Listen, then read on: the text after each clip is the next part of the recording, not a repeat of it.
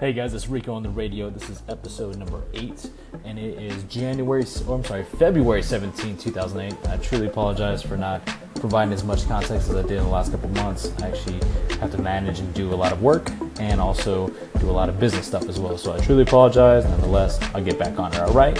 So another aspect of this is I want to let you guys know about the book, The Rise of the Vetrepreneur. It's on its way out. It's on a review process, and it'll be released in the summer of this year, 2008. I really encourage you guys to go check it out and see how we captured the journey of entrepreneurs such as Daniel, the owner of Grunt Style, uh, one of the um, gentlemen named Tyler of 18 Series Nutrition, Brett and Ben of American Grains as well. So when that comes out, I'll let you guys know, okay?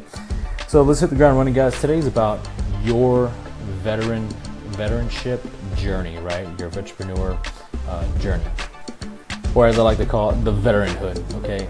Um, and the reason this is important, or more importantly, what is it, is the moment you get done with active duty or tasking in the military, you become a veteran of that specific, whether it's going to Iraq or Afghanistan, Africa or Haiti, or you become a veteran of a special operations unit or a veteran of certain specific taskings. So what happens next is that you actually become the owner of that, right? And people start looking to you. And the reason this is important is because this is where becoming a veteran, where you're taking that first your first SP, is going to change the dynamic of certain things.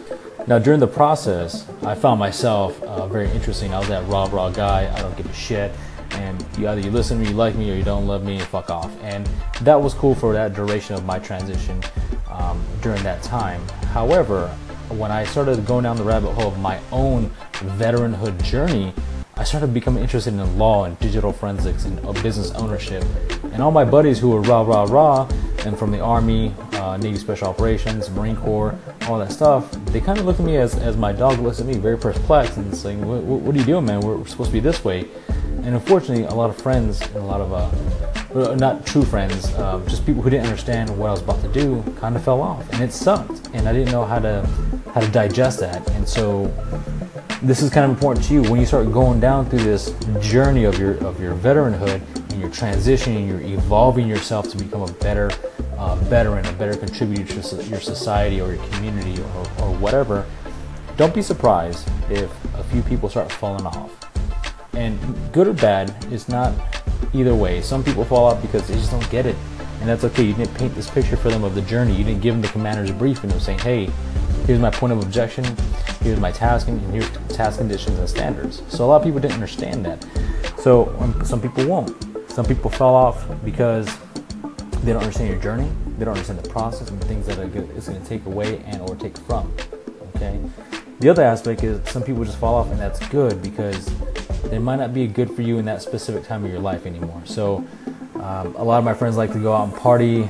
Back in the day when I was this raw, raw guy, and I realized being in law, and specifically I want to be a politician at a certain point in my life, you can't really bring those uh, associates around certain types of people, and that's okay. And they fell off, and it kind of sucked. And it, it kind of, I found myself very lonely, uh, specifically during law school, and it just it, it wasn't fun anymore. However, I knew the vision at the end of the of the of the tunnel here, the, the light at the end of the tunnel, and I can say, hey, this is where I want to be. This is where I want to go and I will do it hell, hell, come high water, right?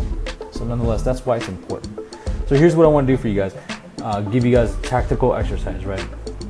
So here, I, here are the words of encouragement in, in the direction that I wish somebody would have told me, but what I've gathered from other people, okay? So your tactical exercise is when you're about to go on your journey, just take one step at a time, okay? Go out there one step at a time, SP in the correct time, right manner, right fashion, okay? And do it with 100% intention and tenacity.